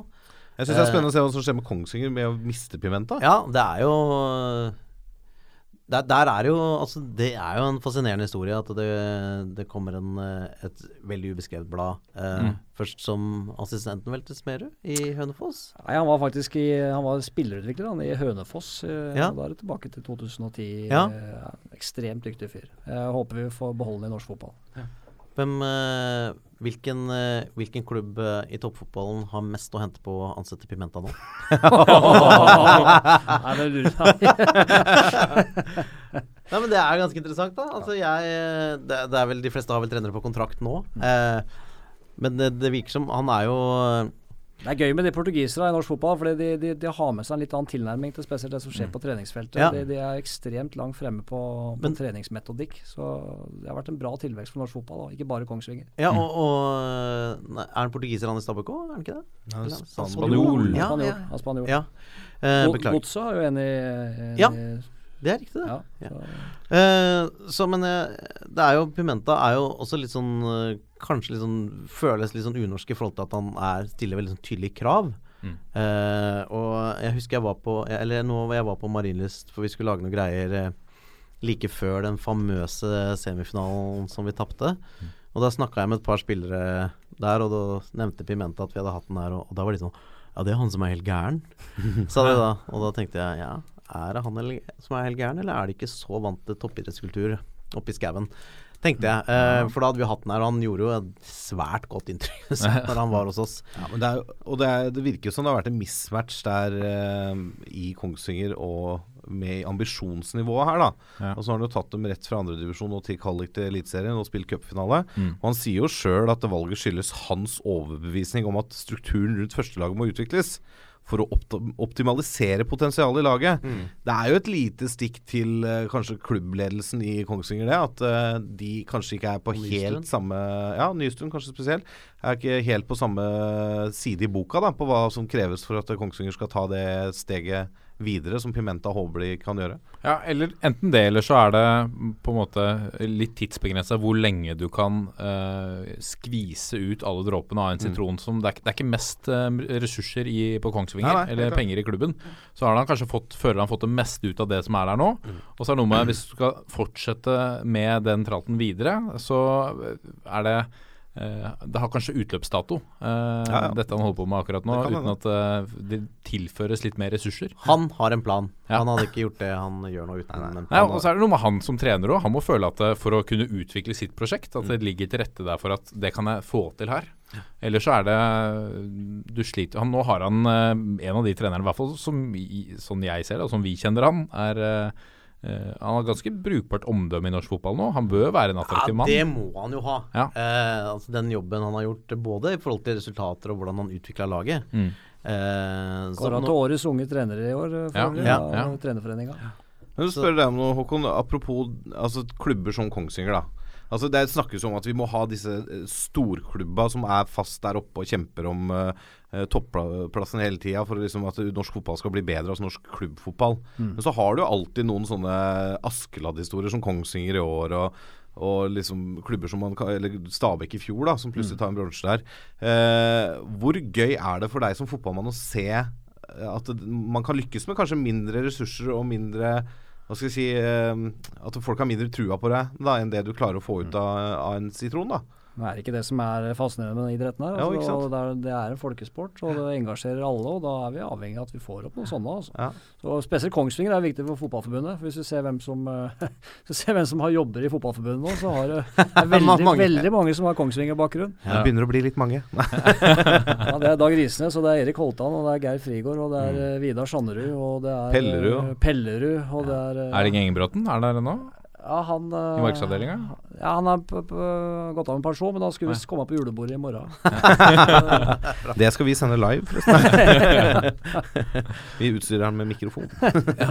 Før vi runder av, vi kunne snakka om uh, veldig mye mer. Vi må runde av et sted òg, men vi kan jo ta med Sandefjord, uh, Lasse, på tampen. Ja, det, har, det skjer jo en del i Sandefjord, da. Eh, de henter nye spillere før returen. I går ble Flamur Kastrati og Thomas Kind Bendiksen klare. Mm.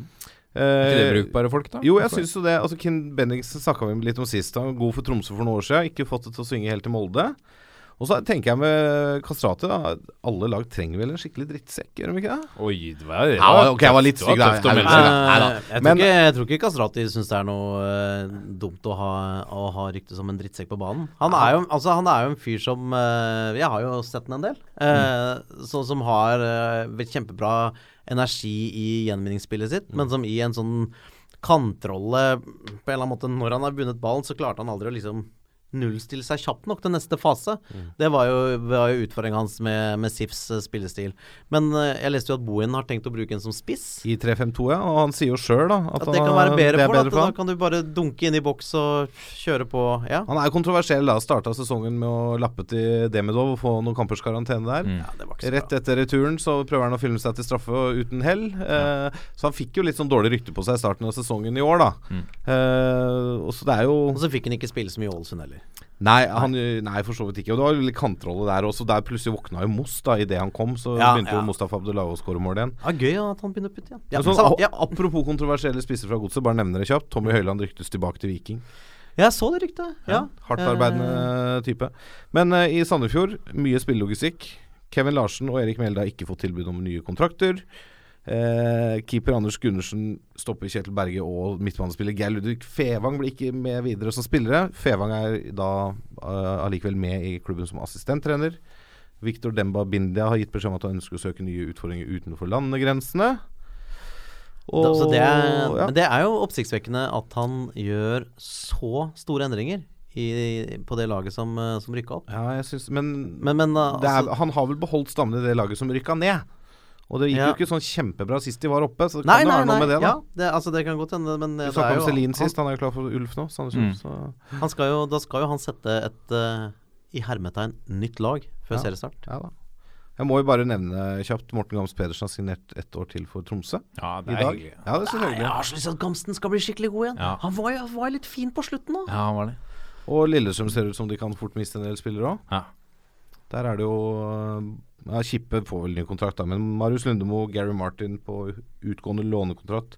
Skogseid, Malaru Martin og Ole Martin Rindarøy og Basel Zradi. Radi har ikke kontrakt på Åråsen etter nyttår. Nei, men Radi er jo Er ikke han SIF-spiller Han har vel lånt ut fra SIF, han, Ja. så han kommer vel tilbake dit. da Så det er mye, mye som skjer i norsk fotball nå, selv om det er uh, begynt å jobbe litt. Altså. Begynt å jobbe litt. Det var for øvrig, apropos Martin Ødegaard, var et rykte i Ekspressen i dag at Malmö ønsker å hente ham på lån. Jeg leste den artikkelen, og der, eh, i den artikkelen så står det det skal vel veldig mye Ja. til for at han kommer hit. Og Men, han, eh, han skal jo ikke til Malmö. Gia Saeed er visst også ønska der. Han, Det er- skal heller, er han skal heller ikke til Malmö. Ja, Det kan være en fin, fin stoppested for Gias før, før han er klar for enda større oppgaver. Skal jeg, skal jeg bare si Jeg anbefaler alle faktisk å gå inn uh, I tillegg til å bruke klubbenes nettside, gå inn på fotballkanalen.com. Ja, den er veldig fin. For den har veldig mye fine rykter og Ja. oppdaterer fort når noe er klart og sånne ting. Det er et bra oppslagsverk hvis du har lyst til å følge litt med på hva som rører seg i er at. Hvis de leser for mye der, så veit de jo veldig mye om det vi skal snakke om. Det er helt sant. Ikke les fotballkanalen.com. La meg holde meg til det. Ja, De er ikke en annonsør, vi bare Vi, vi syns at det er, mye, det er mye godt arbeid som gjøres her, så hyller det litt. jeg altså. regner med vi har fått oss en sponsor nå. Nei, eh, ja, nå At de sponser oss. Setter du noen penger, skal vi snakke masse om dere neste uke. Ja, ja, ja, ja. Eller over nyttår. Eller over nyttår, for dette er siste sending før jul, karer. Det må det være. Det må det være. Og for en fest det har vært. Ja, det har vært en fantastisk Denne reisen, denne reisen. Ja. ja. Eh, ja. 28 deilige episoder om norsk fotball. Tenk Ja. det, gutter. Det. Og Alle vi reisene, fortsetter etter nyttår. alle reisene jeg har vært med i Medie- og Underholdnings-Norge, ingen kan, reise kan sammenlignes med denne. Oi, oi, det var, det var hyggelig sagt. Tusen, ja. Tusen takk. Du ta med deg, jeg skal, vi skal slippe denne podden i natt, uh, Håkon. Så er den klar til å avspilles på julebordet til NFF i Ja, ja, morgen. det. Det. Halvannen time pod på NFFs julebord. Det Ja, er men det er jo fotballinteresserte folk, da. De må jo sette pris på dette. norsk, interessert i norsk fotball. Hvem er det som har underholdninga i år, da? Vet du det? Jeg tror det er lagt på veldig lavt. Altså, nå er det Vi bare møtes. Også, altså, det er et, Jeg var er der jo et ett år. Nei, det var ikke julebordet, det var Ja. sånn det større Ja, men det har vært noen av de julebordene som det har vært mye, mye rart som har Så jeg vet ikke deg, da. Håvard har ledig tid, i- Håvard har ledig tid i morgen hvis dere trenger noen til å være konferansier. Ja. Bare, bare slå på tråden, send en faktura, Ja, og så, så, er vi, så er vi på Forhåndsbetaling, da, med vips. Jeg husker Jeg har øh, faktisk vært på et øh, julebord med NFF, jeg òg. Da jeg var inne der som Adecco-vikar back in the day. Ja. Da jeg husker jeg underholdningsbidraget var at Stig Inge Bjørneby imiterte daværende fotballpresident Sondre Kåfjord. Ja, det er, Stig Inge er fantastisk. Ja, Stig Inge er fin på parodier. Ja. Det var, det, det, visste jeg ikke. Nei, Det visste jeg ikke. det var, øh, var veldig bra. Det var, sånn han filma. Ja, ja det, er, var filmforbud da. Var er, det. var jo såpass animert at han er ikke helt umulig å parodiere. Ja, uh, veldig bra. Veldig hyggelig å ha deg her uh, på besøk, Håkon. Du er hjertelig velkommen tilbake for å gi oss litt uh, oppdatering. Heia Drammen. Hei. Hei. Drammen. Hei, Drammen. Og jeg må bare si en ting til. Ja. Philip Kiss har signert ny kontrakt med Haugesund. Det er en kjempesignering Ja, for det Haugesund. er ah, Haugesund, de gjør mye bra nå. Ja, Den ramla De to fra Skeid òg. Spennende karer. Og lillebror spennende neste år. Ja. Og Erik Husklepp. Ny vår i øh, Haugesund. Så må de erstatte stopperkjempen, da. Ja, tross det kong. Tross i kong. Han er god. Ja, veldig, veldig bra. For bra for norsk fotball, yep. rett og slett. Tydeligvis. tydeligvis. Vi er Toppfotball på Facebook, eh, Twitter og Instagram. Vi fikk en rating denne uka, Lasse. Ja, Eh, gjorde vi ikke det? Mens, dere, mens jeg runder av her, så kan du, eh, kan du lese opp den. Um, gå gjerne inn på, på, på de nevnte sosiale medier. Send oss en melding hva, vi har lyst å, hva du ønsker at vi skal snakke om. Så gjør vi det. Eller slenge ned Ikke nødvendigvis, det er bare hvis vi liker forslaget. Ja, det er helt ja, riktig. ikke Det er helt riktig. Vi Vi har fått én rating siden sist. Ja, Det, kjør. det er fem stjerner av fem mulige. Det er hyggelig. Det er hyggelig. Overskrift 'greit'. Ja. Denne kommer fra Joa Almb. Ja. Veldig greit program. Ja, men han, eh, han elsker det. Han har bare en måte å formulere seg på der han ikke Altså, stjernene forteller jo Stjernene hva han føler, alt. men han føler et mer nøkternt språk. Ja. Vi tar det imot med glede. Takk imot. skal du ha. Og så ønsker vi alle i norsk fotball helt fra bredden til uh, toppen uh, en riktig god jul. Takk Ja. for uh, det året som har vært. Nå trodde jeg kanskje du skulle synge. At du skulle synge. From all of us to all of you. ja. Eh, og så Merry. Christmas. Å, veldig fint. Ding dong, ding dong. Nei, nei nå, nå blir det for dumt. Skal Nå- du jeg, ta nå- jeg trekker meg på Siden det. er siste sending, skal du ta uh, denne sangen som du prøver å synge hver eneste Ja, sending? ja, ja, ja, ja. Min, eh, min favoritt-godesang. Ja. Ser deg på kampen til søndagen, ta med deg naboen og kom. Det var før medieavtalen, vet du, så alt spilte på søndag. Så det var lettere, var lettere å synge om kamptidspunkt den gangen. Ja. Uh, det er en nydelig linje. Ja. Ja, og det er hele sangen. Ja. Det er det norsk fotball handler om, eh, Helt. Håkon. Helt riktig. Deg naboen og kom. Ta naboen og kom. Vi er en gjeng! Vi er en gjeng. Ha det. God jul! God Ha det! jul! Ha det! Ha det!